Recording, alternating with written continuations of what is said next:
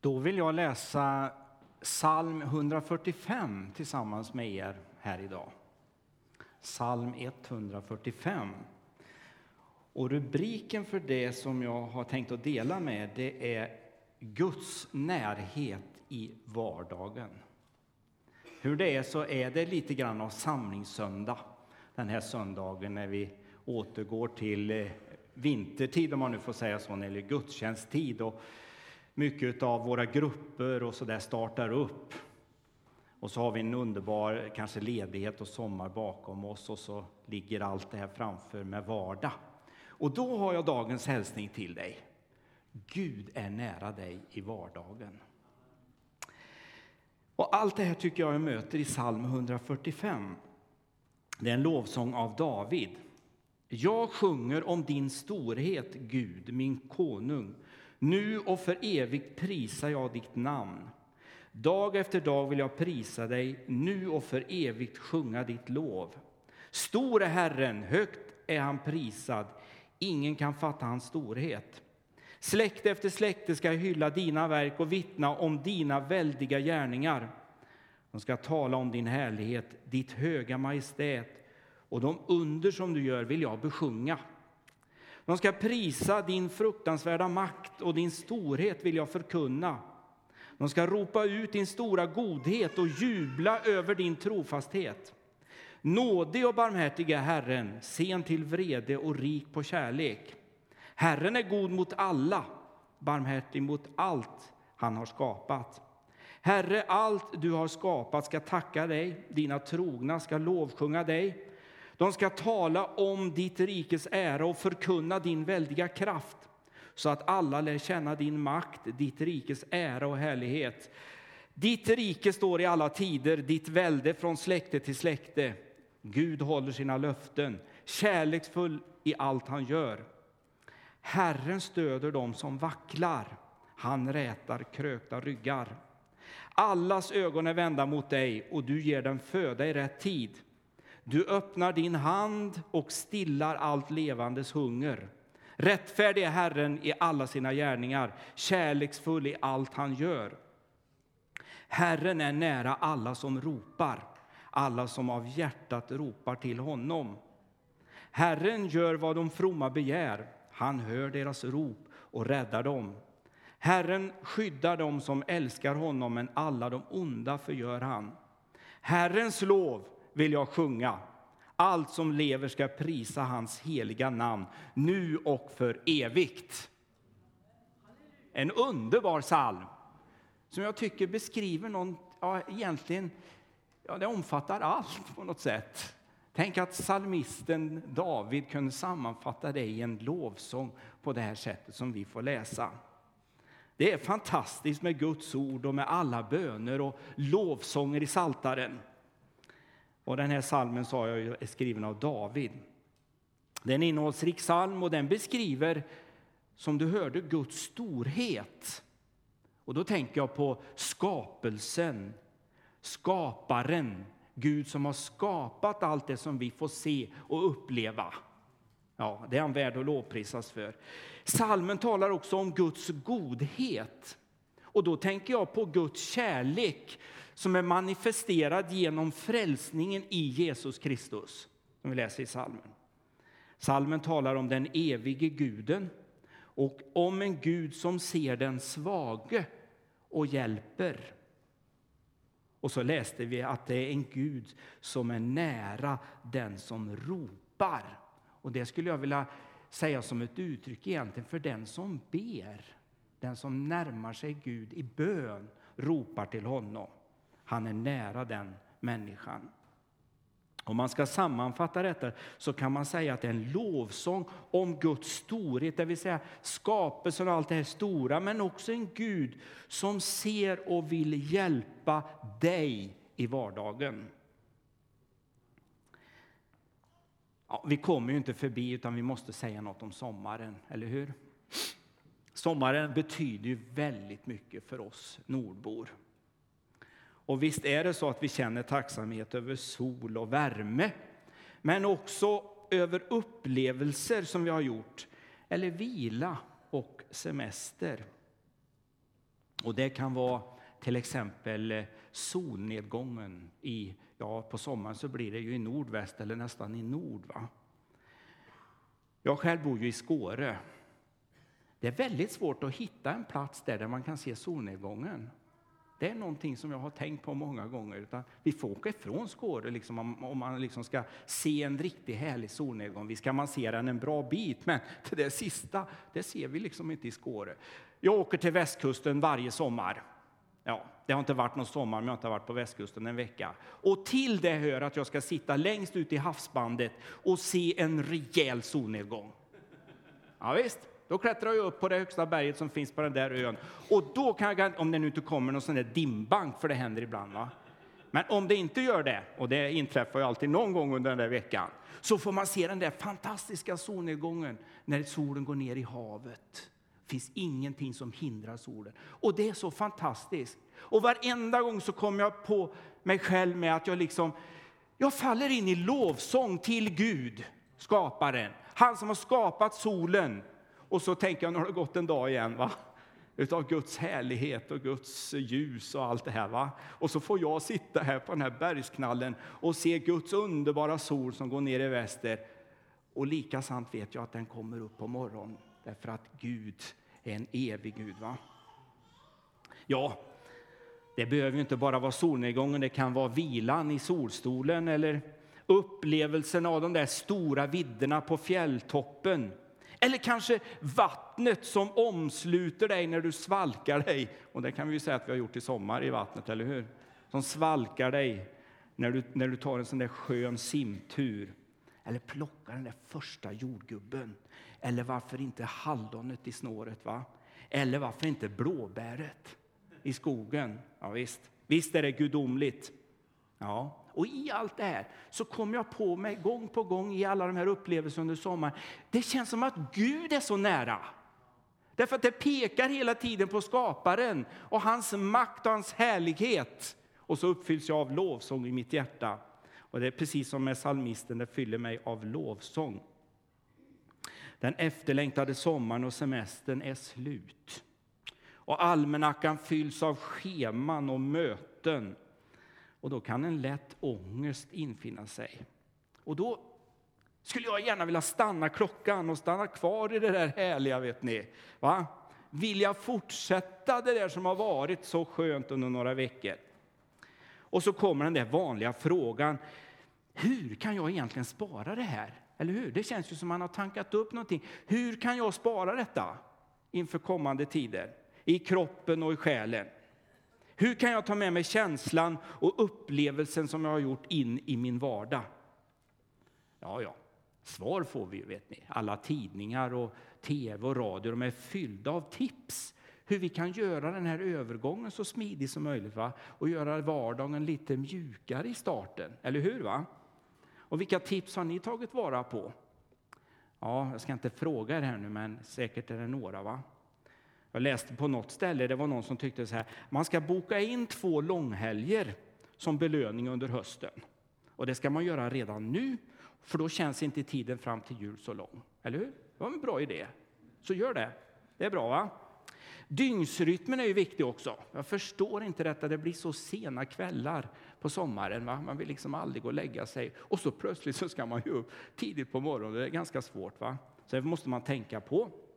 Någon, någon har sagt så här att om du kan så ska du börja jobba mitt i veckan. Så blir inte den första veckan så lång. Ja, men det är väl en bra idé för de som kan göra så naturligtvis. Så var det någon som skrev så här, man kan göra den här övergången lite mjuk på så sätt att man efter några dagar när man har jobbat lite grann så ordnar man en liten grillfest på kvällen. För då blir det den där sommarkänslan igen, och särskilt om det är bra väder också. Kan man jobba några dagar och så samlas man och så har man lite grillfest, så får man tillbaka lite grann den där sommarkänslan. När vi då ändå är inne på det här med sommar och, och solljus så säger ju vi ofta, tror jag i alla fall, att, att vi behöver liksom så mycket solljus så vi kan tanka upp det i kroppen inför kommande mörker och kyla. Har ni tänkt den där tanken någon gång eller hört det där? Ja. Att hela, liksom hela vår varelse behöver belysas. Ja, jag, jag tror att det är sant. För det är nämligen så att utomhusljuset det stimulerar hjärnan och den gör oss piggare. Och då har jag läst mig till att under sommarhalvåret eller sommartiden då, så täcker solen hela vårt dagsbehov av till exempel D-vitamin. Va? Det är ju jättebra. Vi behöver inte vara ute så jättelång tid på sommaren för att vi ska få uppleva den här kraften. Va? Men hur gör man då? Hur liksom, vad, vad kan man göra sen när det är mörkt och, och kallt? Ja, när det inte finns så mycket sol. Jo, då, då, då kan vi äta lax. Mycket lax och mycket makrill och ägg. Ja, tänker du som en vegetarian, det var ju en bra, det är bra för er då som äter allt det här. Jag har ett tips till dig också. Ät kantareller. Plocka dem nu. De innehåller mycket D-vitamin, så kan man äta dem i höst och vinter så får man det där dagsbehovet av D-vitamin. Va? Så man kan plocka och spara. Intressant det här med D-vitamin tycker jag. Ja, nu börjar ni fundera, vad förstår han nu och tar upp allt det här om sommaren och hösten som kommer? Jo, jag sa ju att vi har lite grann av terminstart i församlingen. Nu ska jag säga att vi har ju inte haft semesterstängt i kyrkan. Jag är faktiskt oerhört tacksam för de gudstjänster som vi har haft som har varit välbesökta i sommar. Man skulle ju kunna tänka sig, ja det kanske inte har varit 200 här varje söndag, men det har, det har varit många med på våra gudstjänster hela sommaren, vilket jag tycker är fantastiskt härligt. Ett stort tack till er alla som har varit med här under sommaren. Men eh, ändå, nu går vi tillbaka till eftermiddagsgudstjänster och våra olika grupper och så där. Ja, jag har naturligtvis en tanke med att jag målar bilden av sommarens skönhet och upplevelser. Och nu ska jag försöka mig på en liten brygga här, som man säger. Va? Precis som jag har tagit upp några tips om det här vardagliga, gå från sommar till höst och ta med sig sina upplevelser in i vardagen och hur det är nu med D-vitamin i kroppen, så har jag en liten påminnelse och en liten uppmaning till er som är här idag. Och det är precis som det gäller de här sakerna jag har pratat om, så behöver du och jag underhålla eller hålla vid liv vår gudskontakt. Det är lika viktigt det här som jag har pratat nu om sommaren och allt det som vi tar med oss, som vi så väl behöver. Men det är lika viktigt också med vår gudskontakt. Gud, han finns i vardagen. Och du kan upptäcka Gud i vardagen. Och du kan också underhålla kontakten och märka Guds närvaro i din vardag. Och nu ska du få fyra råd hur du ska underhålla och uppehålla det här inför hösten och vintern och tiden framöver. Det första jag vill säga något om det är bönen. Bönen det är en grundbult i den kristna tron. Och den kan i och för sig ta sig många olika uttryck. För vissa är det viktigt att det är en stor och publik manifestation, för andra en tyst och personlig del av livet. Men bönen det är en mycket viktig del av det kristna livet, både enskilt och i församlingen. Vi går ju ofta till det här kända bibelordet i Matteus 7. Jag tycker den är så underbar, den där lilla sekvensen. Sök så ska du finna. Bulta så ska dörren öppnas. Kan det sammanfattas egentligen på ett bättre sätt om bönen? Om vi går inför Herren med det som vi har. Det här är ju inte en engångsupplevelse som ni vet. Och, och, någon har sagt att Gud lär man inte känna i en handvändning. Han ger inte sina gåvor till den tillfällige besökaren. Att under en längre tid vara ensam tillsammans med Gud är hemligheten till att lära känna honom och få ett inflytande tillsammans med honom. Ja, vad är bön? Ja, jag vet att jag har sagt det förut. Om jag skulle fråga er här idag, ni som sitter här, så skulle ni nog svara lite olika. Men det gemensamma är att vi riktar oss till himmelens Gud med det som vi har i våra hjärtan, till jordens skapare. Bön är gemenskap, samtal, tillbedjan, lovprisning, förbön, åkallan och allt det här. Bön är att prata med Gud. Prata med Gud i din ensamhet. Tänk att vi får vända oss direkt till Gud i ord eller med en tanke och där händer någonting. Du upplever kontakten Mötet med Gud är inte tänkt som en engångsupplevelse utan tänkt som en regelbunden gemenskap. Ta med dig det första rådet. Det andra rådet det handlar om gudstjänsten som är oerhört viktig. Och det är min uppmaning. Delta regelbundet i gudstjänsterna. Gudstjänster det är en del av vardagen och en hjälp att underhålla och utveckla gudskontakten. Kanske jag har berättat det någon gång förut, men jag berättar den igen. Det hände sig i en familjegudstjänst när jag stod och talade att jag fick se uppe på läktaren en liten pojke, han var fem år, som satt och lyssnade där. Och rätt som det var i mötet så tar han fram en kasse. Och så börjar han att springa på läktaren fram och tillbaka med den där kassen och håller den så här och liksom gör någonting och så ser jag att han gör en gest och så knyter han ihop påsen. Och jag tyckte det där var väldigt spännande. Vad håller han på med? Jagar han flugor eller vad är det han gör, den där lilla pojken? Jag var ju lite nyfiken efter mötet och, och, han var med sin morfar och mormor till den där gudstjänsten. Och då hade, fick hans morfar tårar i ögonen. Då berättade han om att den här pojken, deras barnbarn, hade det svårt och jobbigt. Och det var jobbigt hemma. Och så hade pojken kommit på den här lilla idén att jag måste ta med mig någonting hem ifrån gudstjänsten. Och då tänkte han, jag tar och samlar in lite luft ifrån gudstjänsten. Och samlar in den i påsen, tar med den hem och så pyser jag ut den där luften när jag kommer hem och så blir det mycket bättre hemma. Så gjorde en femåring. Och vi kan le åt det, men det ligger någonting oerhört starkt i det där. Han upplevde den här speciella atmosfären som fanns i gudstjänsten. Och den ville han ta med sig, inte bara för stunden, utan han ville ta med den hem och in i sitt vardagsliv. Och det är min bön och min längtan att våra gudstjänster här i den här kyrkan, precis som överallt, att det ska vara mättat av både helighet och härlighet och glädje. Så att vi precis som den här pojken liksom vill samla in det här och ta med oss den atmosfären och den luften ut i våra olika uppdrag och uppgifter. Jag är så fascinerad av att det här är ju Herrens dag, söndagen, och vi vet att människor över hela jordklotet firar gudstjänst idag. Vi är inte ensamma. Miljarder människor runt hela vår jord. I, under hela dagen, eftersom vi har olika zoner överallt, så pågår det ju gudstjänster hela dygnet kan man säga. Och vi vet att någonstans så är det hela tiden lovsång och tillbedjan till Gud någonstans på jorden. Va? Guds folk runt jorden träffas för att upphöja. Det kan vara lite olika liturgi, olika former, olika lokaler. Men det gemensamma är att vi upphöjer Gud tillsammans. Den kristna gemenskapen är en gemenskap runt Jesus Kristus och tron på honom och tron på Gud. Förr så sa man ju att man skulle gå på möte. Det säger mina föräldrar. ska gå på möte i kyrkan.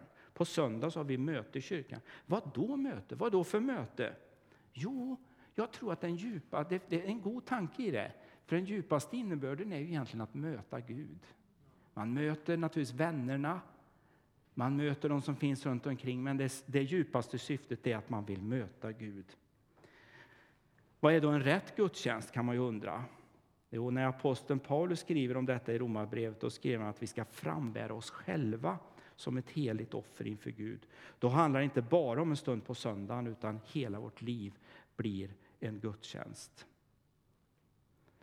Det tredje jag vill säga, det handlar om ordet eller om Bibeln. Bibeln är ju fantastisk och bibelordet underhåller gudskontakten i vardagen. Jag ska avslöja en liten hemlighet för er här idag.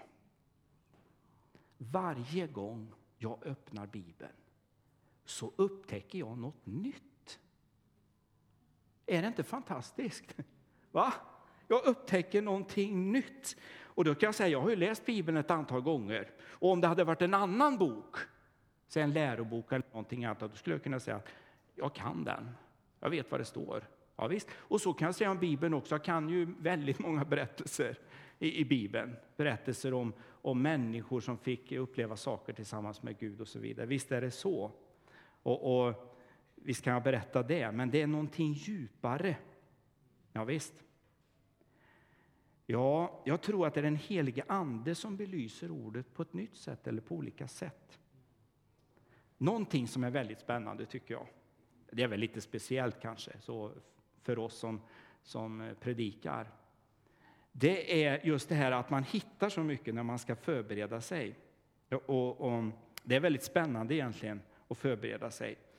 Jag, jag, jag, vet inte hur det är med Sam och Jonny och er andra här som predikar, men när jag börjar, liksom, man vet 23 augusti så ska du predika. Ibland har vi ju givna teman och då är ju saken klar. Va? Men om vi inte har det, då, då upplever jag precis som att alla bibelord talar till mig. Ta mig, ta mig, ta mig. Va? Och, och, ibland har jag ett antal lappar hemma som ligger där med någon rubrik och bibelord. Va? Och, och, liksom, och, så, och så sitter jag och kanske stannar upp ett ögonblick och så hittar jag ett nytt bibel. Nej, men det här borde vi ju stanna upp inför. Och så kanske ha ett antal bibellappar eh, som ligger där. Ja, men så leder Herren oss vidare i bibelordet. Va? Och det är fantastiskt. Bibelordet blir levande och det är ju det som är meningen. Det fjärde jag vill säga, som jag tycker är hemma här, det är att du och jag ska hjälpa en medmänniska. Eller hjälpa våra medmänniskor. Det är det sista tipset som jag ger för Guds kontakt i vardagen. Det är att göra gott för andra människor. Det är något väldigt stort att få göra något gott för, för en medmänniska. Och jag tror till och med, om man nu ska tala om livet, att det är så stort så att det är en del av meningen med livet. Att jag ska vara till tjänst och kunna hjälpa våra medmänniskor. Du kan inte göra allt, men du kan göra någonting. Våga utgå ifrån den där tanken, den där idén du får om en insats som du ska göra. Våga lita på att det är Gud som talar till dig. Tänk inte att det är för lite eller för enkelt, utan gör det. Och du kommer upptäcka i handlingens ögonblick, när du går på den där tanken, så kommer du att märka Gud. Ja, det kommer du att göra. I Lukas evangelium i det tionde kapitlet så finns kanske den starkaste uppmaningen att hjälpa sin medmänniska. Det handlar om den barmhärtige samarien. Kom ihåg att det är Jesus själv som berättar berättelsen som svar på en fråga från en laglärd som ville sätta Jesus på prov. Och det finns många poänger i den här kända berättelsen. Det var Jesus som berättade den. Frågan blev också vem som visar sig vara en nästa eller vem som är din nästa genom dina handlingar. Jesus visar egentligen att kärleken inte känner några gränser. Vad ville jag då egentligen säga med de här tankarna? De tankar som jag fick när jag slog upp den 145 salmen och läste om, om Guds storhet och Guds makt, men också en Gud som hör när vi ber, när vi ropar. Jo, det jag ville säga egentligen det var att naturligtvis kan övergången från sommar och ledighet till vardag vara en, en utmaning för oss. Naturligtvis. Sommaren och den här tiden på året innebär många upplevelser egentligen där vi kan se Gud bakom allt. Det finns verktyg hur man kan bevara sommarens upplevelser och ta med sig det på ett annat sätt in i sitt vardagliga arbete på hösten eller de uppgifter man har. Men det viktigaste jag egentligen ville säga det är ju att Gud, han finns i vardagen. Och Gud han har gett oss verktyg att uppehålla och underhålla kontakten med honom alla dagar. Detta hittade jag när jag läste psalm 145. Amen. Herre, tack för att vi får samlas i ditt namn till gudstjänst. Och det får vi upphöja och tillbedja dig, du som är himmelens och jordens skapare. Och Herre, nu vet jag att vi är många här som har många upplevelser av eh, veckor och månader som ligger bakom. Kanske vi har besökt nya platser och höga platser och fantastiska eh, upplevelser, Herre, som också har liksom talat i vårt inre om din storhet och din härlighet, Herre. Och så vet du att eh, jag liksom får den där känslan ibland att här skulle jag vilja stanna kvar och riktigt få vara kvar i det här. Men tack för att du i ditt ord du säger att du är med oss alla dagar, Herre. Herre, du låter oss få göra de här upplevelserna som bär oss, Herre. Men det stora i livet, Herre, det är att du finns vid vår sida varje dag och stund. Att vi kan få be till dig, att ditt ord får tala till oss, Herre. Att vi får dela gemenskapen med varandra, Herre. Och att vi också får vara till tjänst för varandra. Och därför så, Herre, så går vi med tro in i framtiden, Herre och dagar som ligger framöver. Du vet vad jag själv har planerat, vad vi har planerat, Herre. Men led oss på rätta vägar för ditt namns skull, Herre. Och låt församlingen, Herre, och kyrkan och de troende i den här staden få vara till välsignelse för många människor den här hösten. Vi ber i Faderns, Sonens och den helige Andes namn. Amen.